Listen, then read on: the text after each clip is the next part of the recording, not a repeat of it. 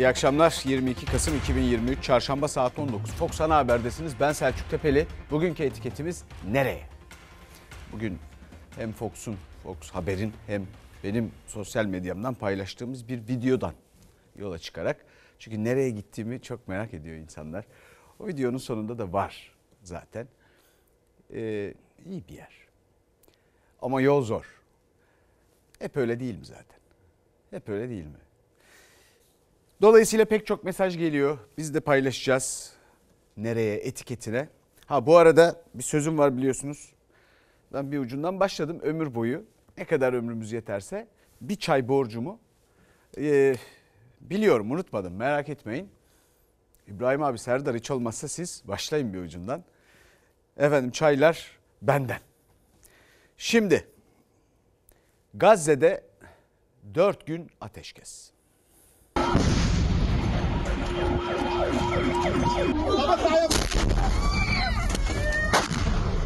Hamas'la İsrail geçici ateşkes ve rehine takasında uzlaştı. İsrail ateşkes öncesi katliamlarına devam etti. Güneye giden sivillerin konvoyunu güvenli diye gösterdiği yolda vurdu. Gazze'de rehine pazarlığı son günlerde hızlandı. Hamas ve İsrail taleplerini Katar aracılığıyla birbirlerine iletti. Taraflar 14 binden fazla sivilin öldüğü savaşın 47. gününde rehine takasında anlaştı. Anlaşma kapsamında 4 günlük ateşkes ilan edildi. Geçici ateşkesin yarın onda başlayacağını duyuran Hamas, 50 kadın ve çocuğu, İsrail ise 150 rehineyi serbest bırakacak. olumlu bir gelişmedir. Bu adımın önceliğimiz olan ve bir an evvel tesis edilmesini beklediğimiz kalıcı ateşkese ve barışa vesile olmasını temenni ediyorum. İlk rehinelerin yarın bırakılması bekleniyor. Hamas'ın ateşkes sürecinde her gün 12 veya 13 esiri bırakacağı tahmin ediliyor. 4 günün sonunda Hamas'ın serbest bırakacağı her 10 sivil rehine için ateşkes bir gün daha uzayacak. Bu süreçte İsrail Gazze şeridinde operasyon yapmayacak, kimseyi tutuklamayacak. İnsani yardım taşıyan tırlar İsrail engeline takılmadan bölgeye girecek. İsrail basını ordunun ateşkesi Gazze'nin güneyine saldırı hazırlığı için kabul ettiğini yazdı. Katliamların süreceği sinyalini verdi. Ateşkes öncesi saldırılarını yoğunlaştıran İsrail, mülteci kamplarını ve güneye gitmek isteyen sivillerin bulunduğu konvoyu vurdu. Onlarca sivil hayatını kaybetti.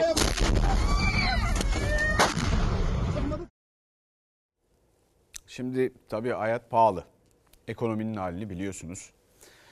Aralık yaklaşıyor. İşte asgari ücret ne olacak? Emekliye ne yapılacak? Yapılmadı biliyorsunuz yazın. Yapılsa bile enflasyon düzeltmesini farkını bile alamayanlar var. Konuşulmaya başladı. Fakat Çalışma Bakanı Vedat Işıkhan dedi ki artık ara zam devri kapanıyor. Yani bunu işaret etti. İşçiye Temmuz'da zam yok. Ara zam geldiği halde yeterli olmuyordu. Nasıl yeterli olacak? Asgari ücret zaten hep yılda bir kereydi biliyorsunuz. Yine tek zam olacak şekilde çalışıyoruz. İşte size gerçek bir IMF politikası. Dar gelirlinin sırtına bin, alım gücünü bitir. Yüksek maaşlar aldıkları için tuzları kuru. Geçimlerini çok çok iyi sağlayabiliyorlar. Gelsinler benim bir maaşımla geçinsinler. Yüksek enflasyon nedeniyle 2 yıldır asgari ücrete Temmuz ayında da zam yapılıyor. O zam özel sektörde de ara zammın kapısını aralıyor. Ancak Hazine ve Maliye Bakanı Mehmet Şimşek'ten sonra Çalışma Bakanı Vedat Işıkhan da artık tek zam olacak dedi. Muhalefetten, sendikalardan, çalışanlardan ses yükseldi. Enflasyon tek haneli rakamlara düşene kadar asgari ücretin yılda 4 kez revize edilmesi gerektiğini söylüyoruz. Bütün ücretlere yapılan artışlar çok kısa bir süre içerisinde uçup gidiyor. Özel sektörde öğretmenlik yapıyorum. 4 aylık periyotlar ya da 3 aylık periyotlar halinde artış göstermesi daha güzel olur. Millet fakirleşmiş mi? Umurlarında bile değil. Buradan ekonomiyi yönetenlere seslenmek istiyorum. Sakın ola böyle bir şey yapmayın. Asgari ücret belirlenecek.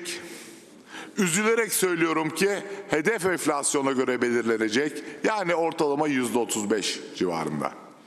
Ama herkes biliyor ki bu ülkede enflasyon 3 hanelerin çok üzerinde. Yılda tek zam yapılması o zammın da gerçekleşen enflasyona göre değil hedef enflasyona göre hesaplanması gündemde. Açlık sınırının altında geçim mücadelesi veren asgari ücretli zaten zam dönemine kadar cepten yiyordu. Bundan sonra yeni zam için 6 ay değil 12 ay beklemesi gerekecek. Çok uzun bir süre. Her 6 ayda bir de asgari ücrete yapılan zam kadar bir enflasyon artışı da yaşıyoruz. Orada bir kısır döngü var. Asgari ücrete yıl içinde bir kez zam yapılacağını açıkladı Çalışma Bakanı. Üstelik bu zam tüm özel sektör çalışanlarına zam olarak yansıyordu.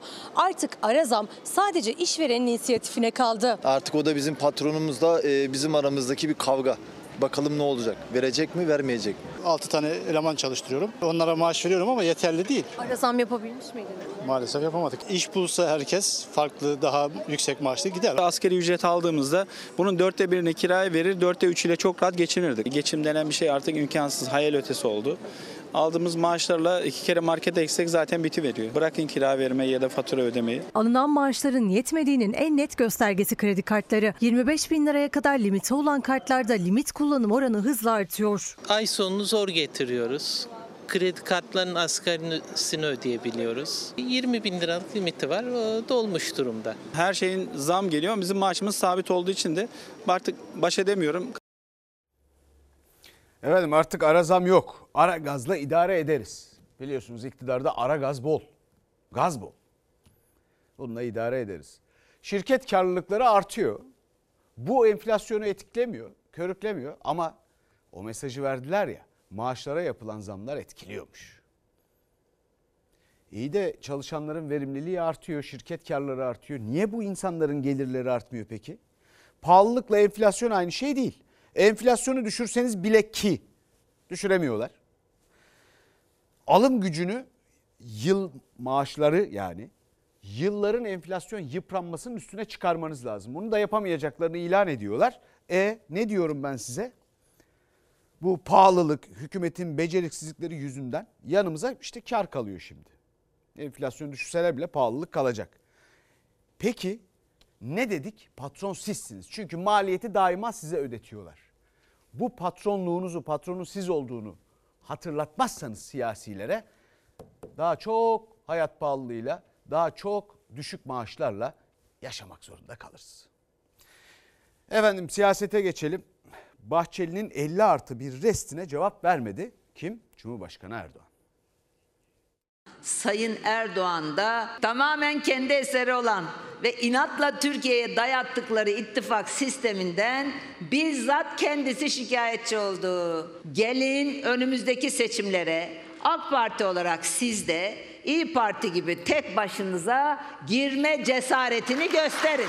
50 artı 1 şartının değişmesi isabetli olur. Çoğunluğu alan adayın seçilmesi usulüne geçilmesi halinde Cumhurbaşkanlığı seçimi de seri olur, uğraştırmaz ve yanlış yollara da sevk etmez. Milletvekili, belediye başkanı, muhtar seçmiyoruz. Cumhurun bütününü temsil edecek Cumhurbaşkanını seçiyoruz. Bu sistemin demokratik meşruiyet temeli yüzde 50 artı birdir. Bu ülkenin Cumhurbaşkanı sistemi tartışmaya açıyor ama küçük ortağı üçüncü kez oldu. Bu konuda bir ayar veriyor, konuşamayacak hale geliyor. Cumhurbaşkanı Erdoğan'ın 50 artı bir şartı değişmeli çıkışı bir kez daha Cumhur İttifakı ortağı Devlet Bahçeli'den döndü. Gözler de Erdoğan'a çevrildi. Cezayir dönüşü uçakta yapacağı açıklamaya. Ama gazeteciler ne 50 artı 1'i sordu ne de Bahçeli'nin itirazını. Erdoğan sessiz kalmayı tercih etti. Cumhurbaşkanı böyle konuları hep havada söylüyor. Karaya iniyor.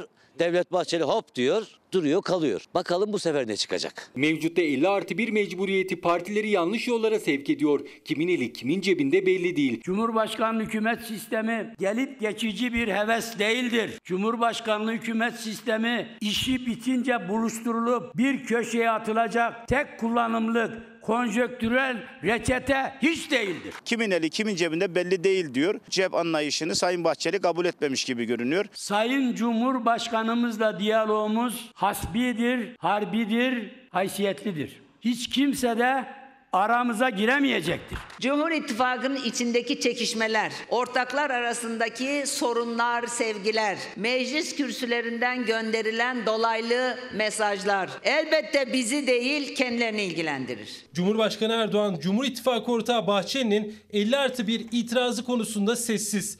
Cumhur İttifakı'nda çatlak var diyen muhalefet ise Erdoğan'ın 50 artı bir şartı kalkmalı açıklamasına temkinli yaklaşıyor. Sayın Erdoğan, eğer ki bu açıklamayı yapmaktaki amacın anayasa değişikliğinin arkasına sığınıp sistem ile birlikte iki dönem kuralını değiştirmekse bir kez daha aday olabilmek için yapıyorsan hiç kusura bakma çok beklersin. Sayın Erdoğan 50 artı 1 konusunda yanıldığını ifade ediyor. Üstü kapalı da aldatıldığını söylüyor yani. Şimdi kim aldattı Sayın Cumhurbaşkanı'nı? 50 artı 1 konusunda bunu değiştirmek vatana ihanettir gibi tabirler kullanan Sayın Cumhurbaşkanı'nın baş danışmanı mı aldattı? Cumhur İttifakı aynı zamanda başkanlık sisteminin ve demokratik meşruiyet esaslı seçim sisteminin temel normunun belirleyici güvencelerinden biridir. Daha önce 50 artı 1'i tartışmaya açmak vatana ihanettir diyen Erdoğan'ın baş danışmanı Mehmet Uçum bu kez Cumhur İttifakı'nın devamından yana mesaj paylaştı.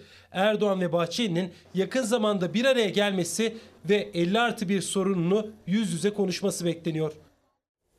Efendim bir kıymetli izleyicimiz tabii bu 50 artı 1 mi olsun 50 eksi 1 mi olsun tartışmaları içinde insanlar hayatta yaşamak zorunda ve öyle şartlarda ki böyle şartlarda yaşam 2. Dünya Savaşı'ndan beri bu kadar kötü politikalar yani.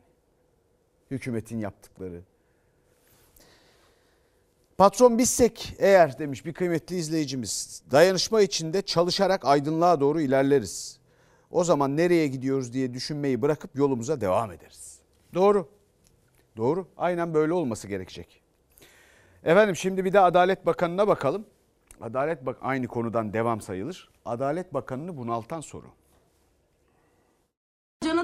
Ne tutukludur ne hükümlüdür. Şu an Can Atalay saray rejimi tarafından esir tutulan bir milletvekili pozisyonundadır. Yani hep Adalet Bakanı'nı sıkıştırıyorsunuz. Benim sağ tarafımda Anayasa Mahkemesi var, sol tarafımda Yargıtay ve Danıştay var. Dolayısıyla biz aradayız. Sen orada oturmayacaksın. Sen HSK'nın doğal üyesi olmayacaksın. Yargıdan elinizi çekeceksiniz. Bu sorun zaten çözülür. Tutuklu milletvekili Can Atalay ile ilgili Anayasa Mahkemesi'nin kararına Yargıtay'ın uymaması Adalet Bakanlığı'nın bütçe görüşmelerinin de ana gündemiydi. Adalet Bakanı Yılmaz Tunç hep beni sıkıştırıyorsunuz dedi. Şimdi işler Arap saçına dönünce bu saçmalığın altında kendisi de kalınca ne yapacağını bilemez durumda. Sayın Bakanım üzerine yemin ettik.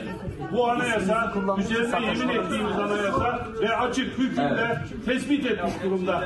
Sizden bir hukuk insanı olarak yemin ettiğimiz anayasada ne yazdığınızı sizin ağzınızdan duymak istiyorum. Yargı bağımsız diyorsunuz ama bana diyorsunuz ki Anayasa Mahkemesi ya da Yargıtay'a müdahale et. En çok konuşan kişi sensin. Yargıya doğrudan talimatları veren kişi sensin. Yemin töreninin ardından Can Atalay'ın hükümlü olduğu yalanını söyleyen sensin. 14. maddeyi uydurup gündeme getiren sensin. Gezi davası anayasal düzenle alakalı bir konu. Anayasanın 14. maddesindeki dokunulmazlık kapsamı dışında olan dosyalardan. Plan Bütçe Komisyonu'nda krizde taraf değilim diyen Adalet Bakanı'na Can Atalay hakkındaki dosyanın dokunulmazlık kapsamında olmadığına ilişkin sözlerini hatırlattı muhalefet.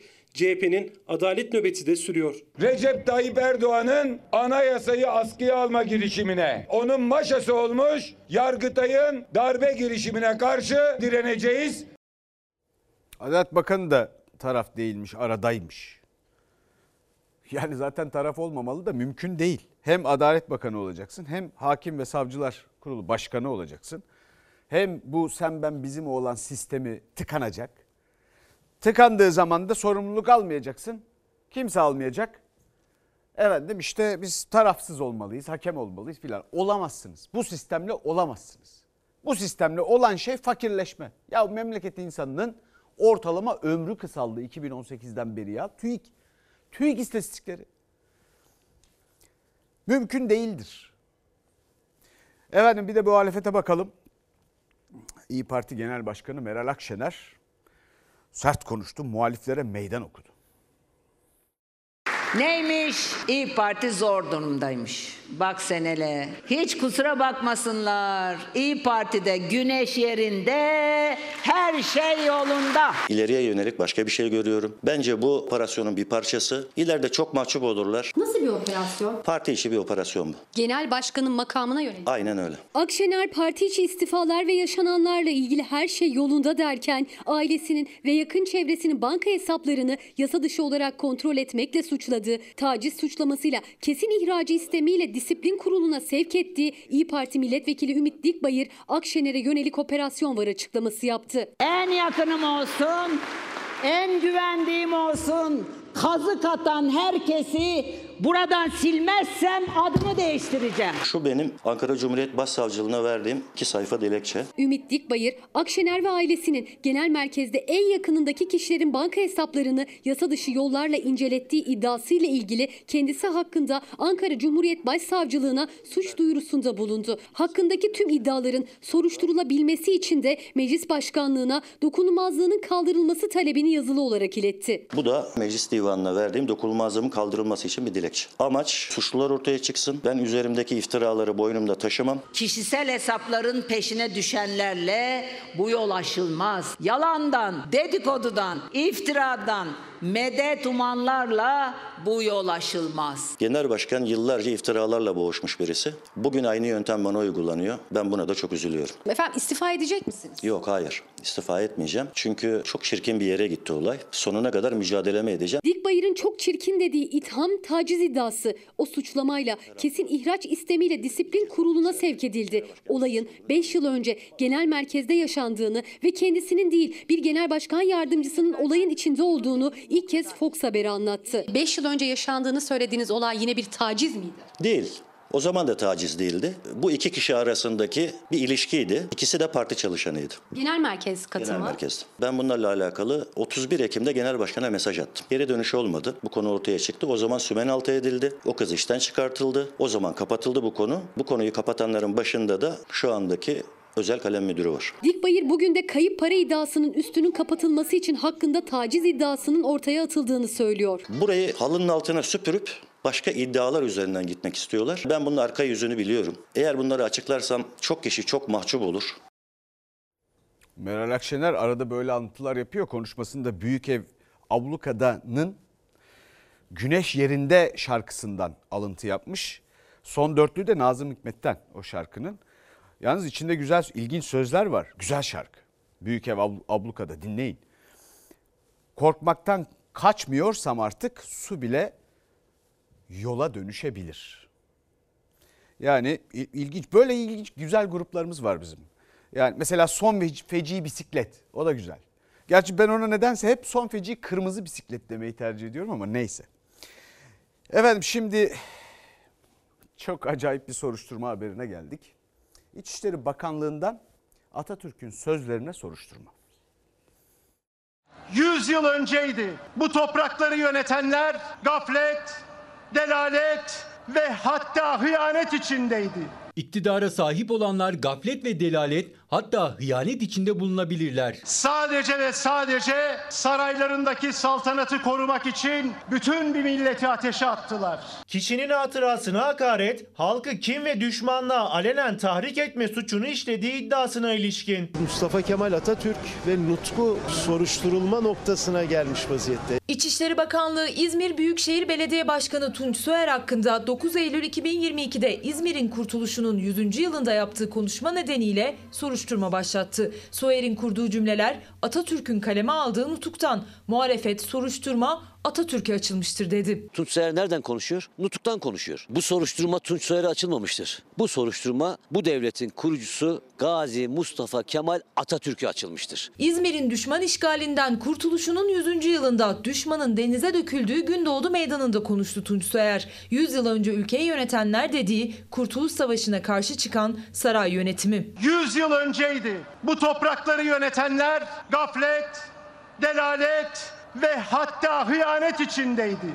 Kadınları, çocukları, Geleceği hiç düşünmediler. Sadece ve sadece saraylarındaki saltanatı korumak için bütün bir milleti ateşe attılar. İzmir'de belediye başkanı çıkıyor, Osmanlı'ya hakaret ediyor. Ve haddini bilmez, ve ahlaksız. Saltanat ve hilafet makamında oturan Vahdettin soysuzlaşmış, şahsını ve bir de tahtını koruyabileceğini hayal ettiği alçakça tedbirler araştırmakta. İnsanlık onurumuzu, bağımsızlık tutkumuzu ve yaşam hakkımızı ayaklar altına aldılar, teslim oldular. Soyer'in kurduğu cümleler Atatürk'ün kaleme aldığı nutukla neredeyse birebir o dönem Erdoğan da Soyer hakkında dava açılması gerektiğini söylemişti. İçişleri Bakanlığı İzmir Büyükşehir Belediye Başkanı hakkında Vahdettin soruşturması başlattı. Kişinin hatırasına hakaret, halkı kin ve düşmanlığa tahrik suçlamasıyla Tunç Soyer konuşmam nutuktan alıntı Atatürk'ün sözleridir dedi. Atatürk'ü idamla mahkum eden saltanat Mustafa Kemal Atatürk'ün nutkunda mahkum edilmişken bugün o saltanat sahiplerinin aleyhinde söylediklerimiz hakaret olarak algılanıyorsa bu saldırılara papuç bırakmayız. Gazi Mustafa Kemal Atatürk'e minnettarız. Onun sözlerini kullandığı için bir belediye başkanına soruşturma açan İçişleri Bakanı'ndan da utanç duyuyorum ben. Tunç Soyer de CHP'de İçişleri Bakanlığı'nın başlattığı soruşturmanın aslında Atatürk'e karşı bir tavır olduğu görüşünde. Atatürk'ü inkar eden bir yönetim olur mu? Bu soruşturmayı kim açtıysa eğer Cumhurbaşkanı Atatürk'e saygı duyuyorsa onun hakkında hemen soruşturma açmalıdır. Efendim peki nereye? Hop bir dakika ya. Şimdi burada amaç ne? Ne olabilir yani? Gündem değiştirmek mi? İnsanlar ekonomi ile ilgili sıkıntılardan dolayı kıvranırken gündem değiştirmek mi? Olabilir. E, tam aday belirleme çalışmaları partilerin hepsinde sürerken Tunç Soyer'i parlatma e, girişimi mi iktidarın? Belki de olabilir. Ne bileyim. Yahut da dün Milliyetçi Hareket Partisi Genel Başkanı bahsetmişti fedakarlıklarından. E, Cumhur İttifakı ortaklığındaki. İşte orada saymadıklarından bir tanesi andımız mesela. Yoksa andımızdan sonra hedef gençliğe hitabe mi? Nereye? Efendim peki öte yandan herkesin bir soruşturma beklediği bir korkunç iddia var. Biliyorsunuz polis müdürünün işlettiği fuhuş oteli iddiası. Meral Akşener gündeme getirdi. Dosyayı da bakanlığa teslim etti ama ondan sonra bir adım bu iddiada henüz yok. Oteli olan polis müdürleri var.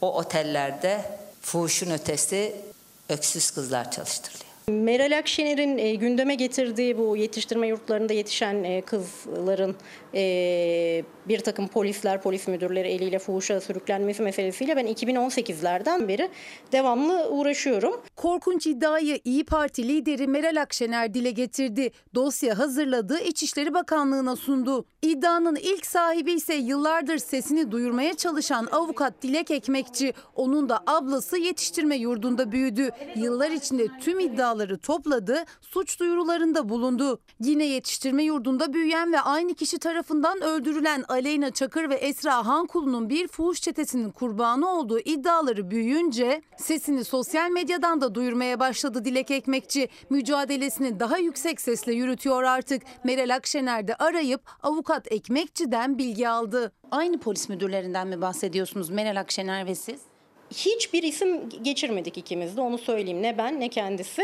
Ee, aynı isimler olmayabileceğini ama bir yerde kesişeceğini e, ikimiz de e, mütabık kaldık. Otellerinde fuhuş yaptıran polis müdürleri kim ya da kimlerdir? İP Başkanı bunu açıklamak mecburiyetindedir. Süleyman Soylu ile Ayhan Bora Kaplan'ın yakınlığı da biliniyor.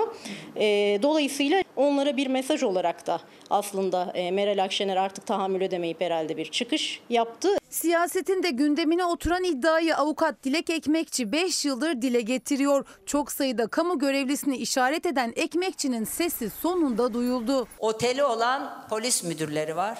O otellerde fuhuşun ötesi öksüz kızlar çalıştırılıyor. Meral Akşener'in bahsettiği isimlerinde yine Ayhan Bora Kaplan bağlantılı isimler olabileceği. E, Benim bahsettiğim emniyet müdürünün de Ayhan Bora Kaplan ve bu yapıyla bağlantılı olduğuna dair ciddi doneler e, var. Yani birden fazla emniyet müdürü var. Kesinlikle ben birden fazla olduğunu düşünüyorum. Konudan Cumhurbaşkanlığının da bilgisi var ve İçişleri Bakanlığı bu gelen bilgiler ışığında gerçekten büyük bir dehşete düştüğünü de ifade etti. Duyanı dehşete düşüren Cumhurbaşkanına kadar ulaştırılan korkunç iddiayı bugüne dek derinlemesine araştıran avukat Dilek Ekmekçi mücadelesini ve ipin ucunu ilk çektiği anı Fox Haber'e anlattı. Biyolojik ablam 99 yılında yurttan çıkıyor. 2001 yılından beri mesela bu Koray Ödenen emniyet müdürüyle ilişkisinin olduğunu e, öğrendim. Ankara'da e, gayet kilit bir pozisyonda olan bir ona filan e, eskort olarak gönderildiğini kendisi anlattı. Henüz savcılardan da ilgili bakanlıklardan da net adım yok. Akşener'in Ekmekçi ile görüşmesi ise muhalefetin iddianın peşini bırakmayacağını gösteriyor. Meral Akşener eski İçişleri Bakanı, parti başkanı. Ben ceza hukuku doktoruyum. Gün gibi aşikar bir hale gelmiş. Hani Sayın Adalet Bakanı da Yılmaz Tunç da işte suç duyurusunda bulunsun Meral Akşener falan diyor. Savcıların harekete geçmesi lazım. Efendim adeta Atatürk'ün sözlerine soruşturma açılması durumu varken tabii memleket, kamuoyu, bu memleketin değerli, kıymetli insanları, Türk milleti bu konuda da bir adım atılmasını doğallıkla bekliyor. Şimdi gelelim bütün bunlar öyle bir şey ki yani artık her şeyin birbiriyle bağlantılı olduğunu görmeye başladığımız için bir yandan garip yani. Çorbacıda çete hesaplaşması.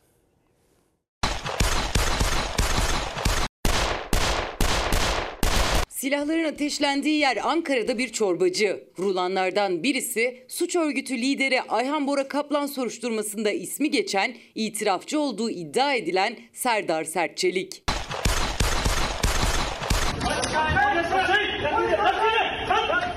20 Kasım sabah karşı saat 5. Ankara Gazi Osman Paşa'da bulunan çorbacının güvenlik kamerası görüntüleri. Kapıda silahlı bir grup. İçeride Ayhan Bora Kaplan'ın bir dönem sağ kolu olduğu ileri sürülen ve suç örgütü soruşturması kapsamında gözaltına alındıktan sonra serbest bırakılan Serdar Sertçelik de var.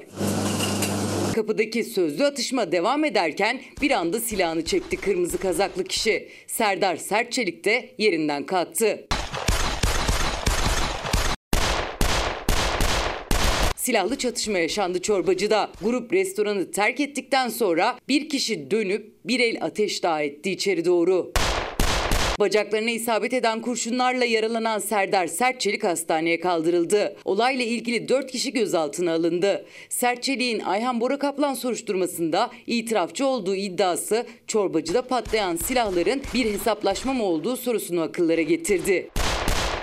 Hiçbir dosyada itirafçı olmadım. Bu olayda Ayhan Bora Kaplan'ın hiçbir ilgisi alakası yoktur. Ayhan Bora Kaplan soruşturması kapsamında gözaltına alınan serbest kalan Serdar Sertçelik itirafçı değilim dedi. Vurulduğu çatışmanın da Ayhan Bora Kaplan'la ilgili olmadığını, iki müşteri arasında tartışmayı ayırmak isterken vurulduğunu söyledi.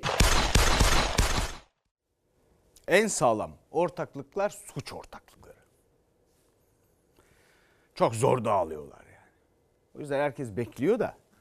Şimdi dolayısıyla bu türden operasyonlar filan bunlar önemli şeyler. Hem sizin görmenizi sağlıyor.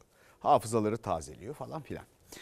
Şimdi bir de başka bir operasyon var. İçişleri Bakanlığı'nın böyle önemli operasyonları da var. Emniyette bir rüşvet operasyonu. 46 polise gözaltı.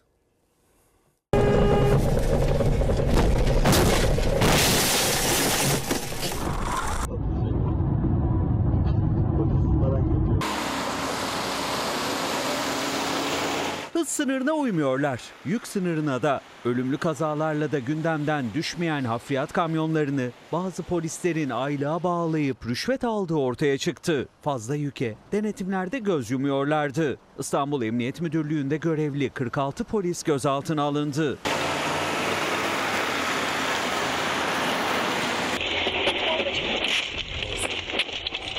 İstanbulluların trafikte en büyük kabusu hafriyat kamyonları. İnşaatlar, şantiyeler arttıkça sarı kamyonların da sayısı arttı. Köyler, mahalleler toz duman altında kaldı. Özellikle taş ocaklarından moloz taşıyorlar. Atık tesislerine de çöp. Ancak çoğu kamyon kurallara uymuyor. Hafriyat operasyonu da bu yönde bir ihbarla başladı. O ihbarda İstanbul'da çoğu trafik polislerinden oluşan yüzden fazla polisin taş ocaklarında ve inşaat alanlarında çalışan hafriyat kamyonlarının sahiplerinden haftalık ya da aylık rüşvet aldığı bildirildi. İnceleme yapıldı. İhbar doğruydu. Rüşvet çarkındaki polisler ağır tonajlı hafriyat kamyonu sahiplerinin taşıdığı fazla yüke göz yumuyordu. Üstelik trafiğe çıkmalarının yasak olduğu saatlerde eksik belgelere rağmen şehir içinde olmalarına izin veriliyordu.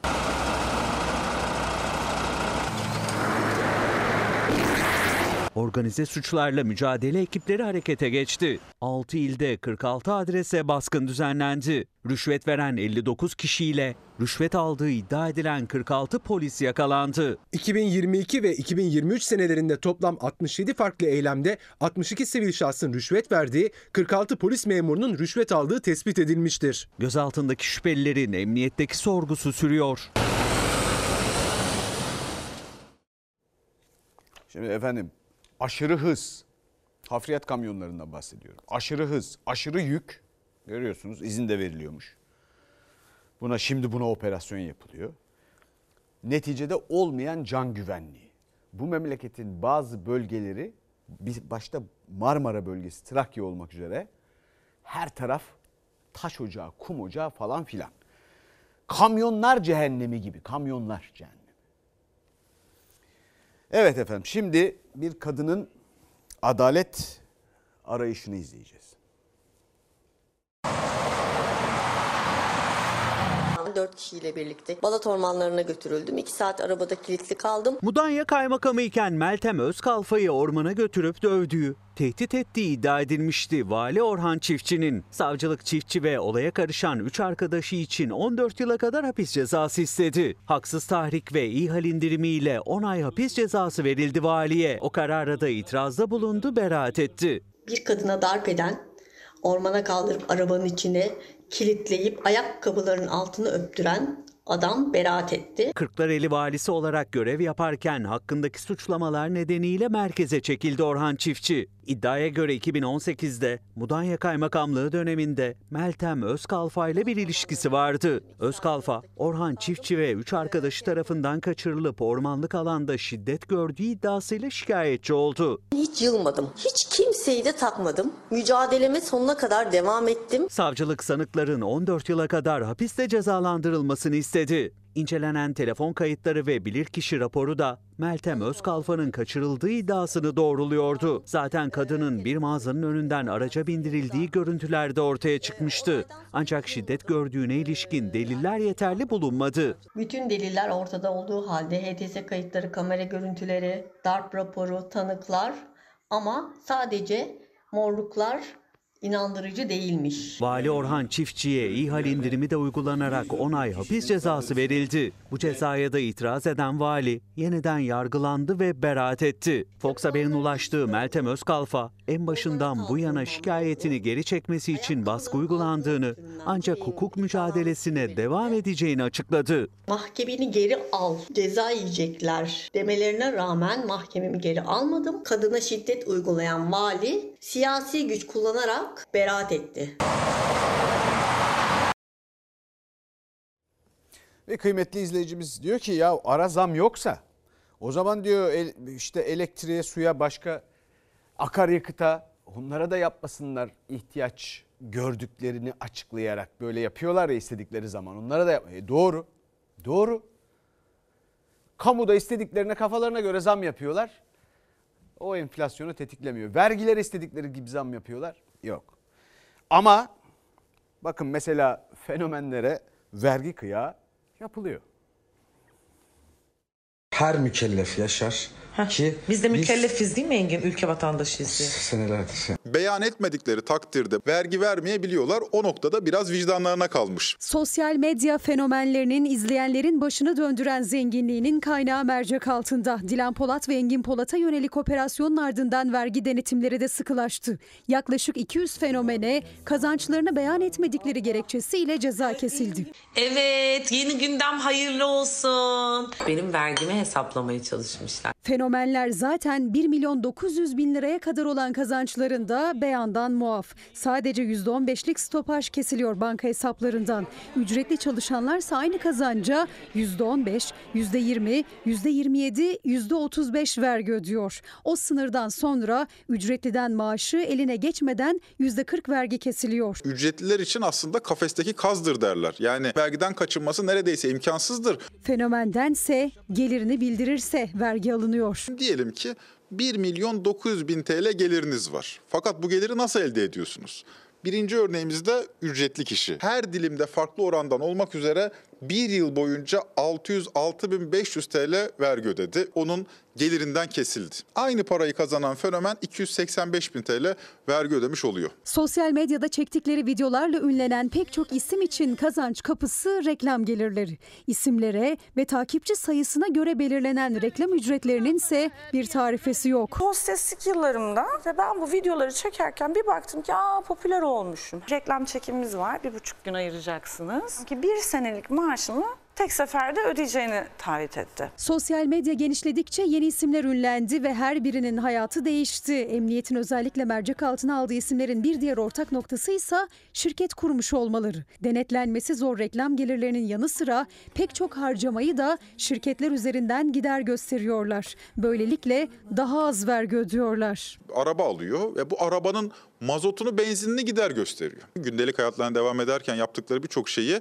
vergiden düşebilecekleri, matrahtan düşebilecekleri bir avantaj yaratıyorlar aynı zamanda. Ama görüntüde her şey usulüne uygun görünebiliyor. Devlet bu noktada bir adım atmadığı için bu kişiler aslında daha düşük orandan vergilendiriliyorlar. Alnımız ak, başımız dik. Dilan Polat'la ortak geçmişi üzerine gözler Eylül Öztürk'e çevrilmişti. 5 milyon dolarla Amerika'ya yerleştiği iddia edilen Öztürk 2019, 2020 ve 2021 yıllarında o günün kur değerleriyle 120 bin ila 245 bin dolar arasında değişen fiyatlarla o ev aldığının belgelerini gazeteci Murat Arel'e gönderdi. Haksız kazanç iddialarını yalanladı. Zenginliğinin kaynağı ise hala merak konusu. Kalbimizin ekmeğini yiyoruz. Vergiden düşerek Engin bana beyin al diyor. Beyin parasını çıkartmak için herhalde bütün bunlar. Efendim şimdi kara para aklama zincirine bakacağız.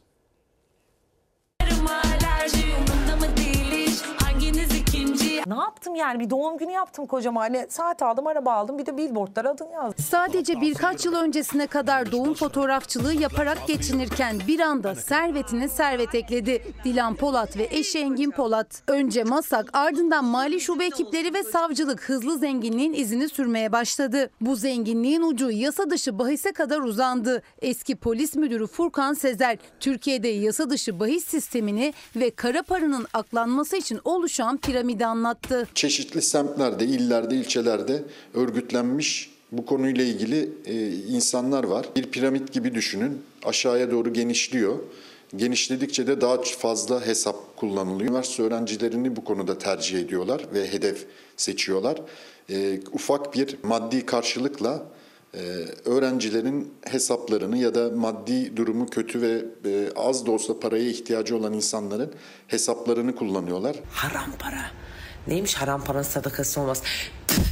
Kara para piramidinin en tepesinde yasa dışı gelir elde edenler var. Çeşitli şirketlerde son dönemde özellikle güzellik merkezleriyle o paranın bir kısmını dolaşıma sokuyorlar. Bunlarla ne yapacağız mesela? Dilan Polat'ı tanıyan şu an bunların ne, ne yarayacağını bilir. Çok büyük paralardan bahsediliyor. Bir, bir takım e, dışarıdan gelen nakit, sıcak paranın e, sisteme ve şirketlere aktarıldığından bahsediliyor. Bizde bu trafik kolay işler. Finansal sistemimiz bunun işleyişine, akıp gitmesine, aklanıp dönmesine çok müsait bir sistem. Ancak suç geliri yüksek olunca daha da fazlasına ihtiyaç duyuyor kara para aklayanlar. İşte fenomenler sofrasının sırrı da bu iddiaya göre. Maddi zorluk yaşayan gençler bulunuyor. Önce bağış adı altında kara para piyasaya sürülüyor.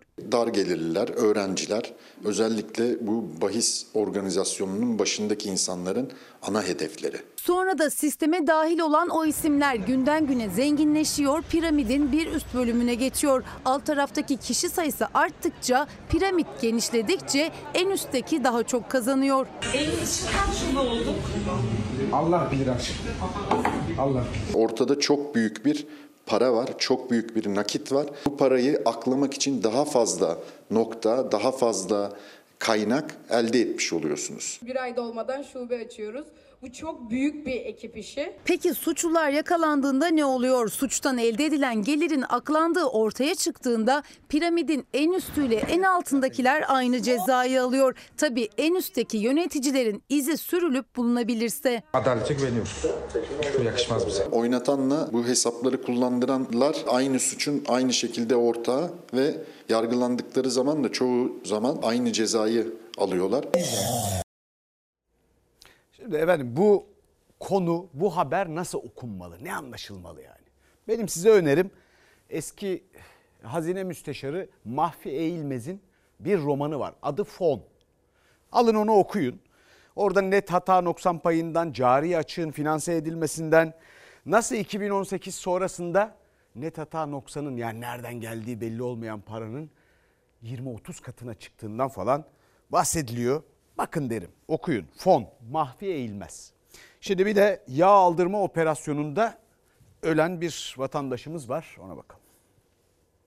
Ömür geldi geçti yalana benzer. Madem tüm tahlilleri yaptı, yaptınız benim annem niye öldü? Bana sadece anneniz zaten yoğun bakıma girerken ölmüştü dediler. O zaman niye yoğun bakıma soktunuz? Sorular yanıtsız, acınınsa tarifi yok. Karnından yağ aldırmak için yattığı ameliyat masasından bir daha kalkamadı 49 yaşındaki Gönül Özkul. Hayatını kaybetti. Acılı ailesi hastane yönetiminden ve doktorlardan ihmal iddiasıyla şikayetçi oldu. Tüm ameliyathanedeki doktorları, asistanları hepsini suçluyorum. Doktor bey yanıma geldi. Annenin durumu kritik.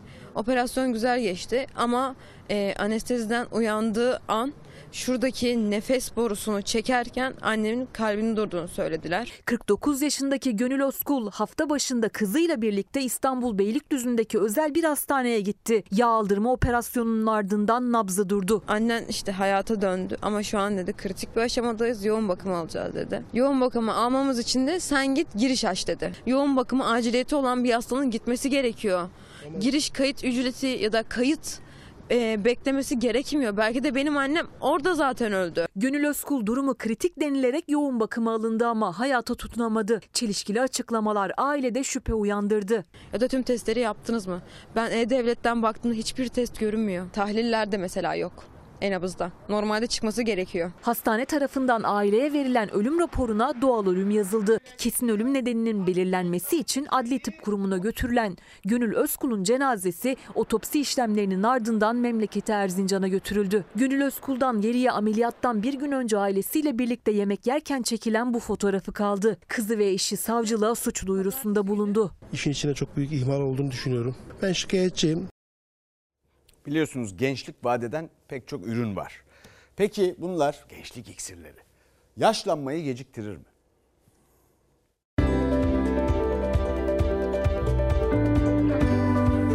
İhtiyaç halinde işte e, ya da doktorunuzun önerdiği takdirde tabii ki kullanmanız gerekiyor.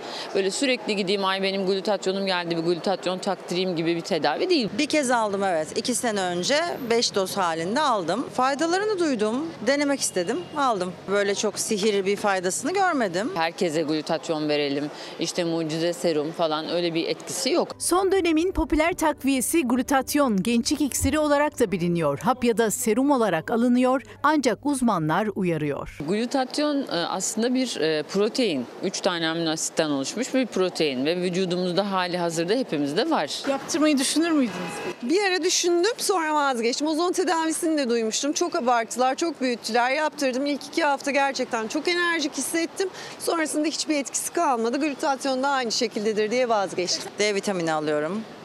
Ee, iyot bazen kullanıyorum. Magnezyum kullanıyorum. B12 kullanıyorum. Omega 3, magnezyum, D vitamini, ya dönemsel olarak kullandığım başka şeyler de oluyor. C vitamini kullanıyorum. D vitamini muhakkak tabii yaş itibariyle kullanıyorum. Kolajen hapları alıyorum. Özellikle kadınlar sağlık, dinçlik ve güzellik için besin ya da vitamin takviyelerine başvuruyor. Glutatyon da son dönemin trend takviyesi. Aslında vücutta yaşlanma ile birlikte azalan bir protein. Gençlik iksiri olarak da bilinen glutatyona ilgi günden güne artıyor ama uzmanlara göre bu takviyenin de kalıcı etkisi söz konusu değil. Biraz daha iyi hissettiklerini, daha dinamik olduklarını söylüyorlar ama dediğim gibi bu geçici bir e, dinamizm. En nihayetinde e, atılıyor. Vücuttan atılan bir şey. Yok ben onları yaptırmam. Öyle şey ihtiyaç yok artık. Artist değiliz, manken değiliz. Bu yetiyor. Eczanelerde satılan çeşit çeşit vitamin, gıda takviyesi ve hastanelerde alınan serumlar uzmanlara göre hiçbiri ne giden gençliği geri getirebilir ne de bir mucize yaratabilir. Endokrinoloji uzmanı Profesör Doktor Ela Keskin de glutatyon takviyesinin sadece uygun yaş ve hasta gruplarında doktor kontrolünde kullanılmasını öneriyor. Aksi halde alerjik reaksiyonlara sebep olabilir. Bağışıklık sistemi düşük, daha yaşlı grupta e, azaldığı için seviyesine e, yaptırılabilir. İnsülin direncinde, karaciğer yağlanmasında, kanser hastalarında yardımcı tedavi olarak kullanılabilir. Ben onlara inanmıyorum ya. Gençlik iksiri diye bir şey yok yani. Evet ünlü yazar Oscar Wilde gençliğin formülünü söylemiş. Gençler hata yapabilir ama izin yok. Yaşlandığında da izin olsa bile artık yapamazsın. Gençliğinizde yapılan hataları tekrar edin demiş Wilde. Bir de gençlere kulak verin. Mesela otomatik portakal oyununu izleyin. Bir dakika bölümünde anlatacağım şimdi bir ara. Efendim gençlere kulak verin dedik. Otomatik Portakal Erdal Beşikçioğlu'nun yönettiği bir oyun. Beş rap müzisyeni ve yanında genç müthiş bir kadro. Gençler çok açık sözlü. Yakında galiba Ankara'dalar. Bakın izleyin derim. Şahane Hayatım bizden sonra yeni bölümüyle sizinle iyi akşamlar. Bir başkadır benim memleketim. Lay, lay, lay, lay, lay, lay, lay, la la la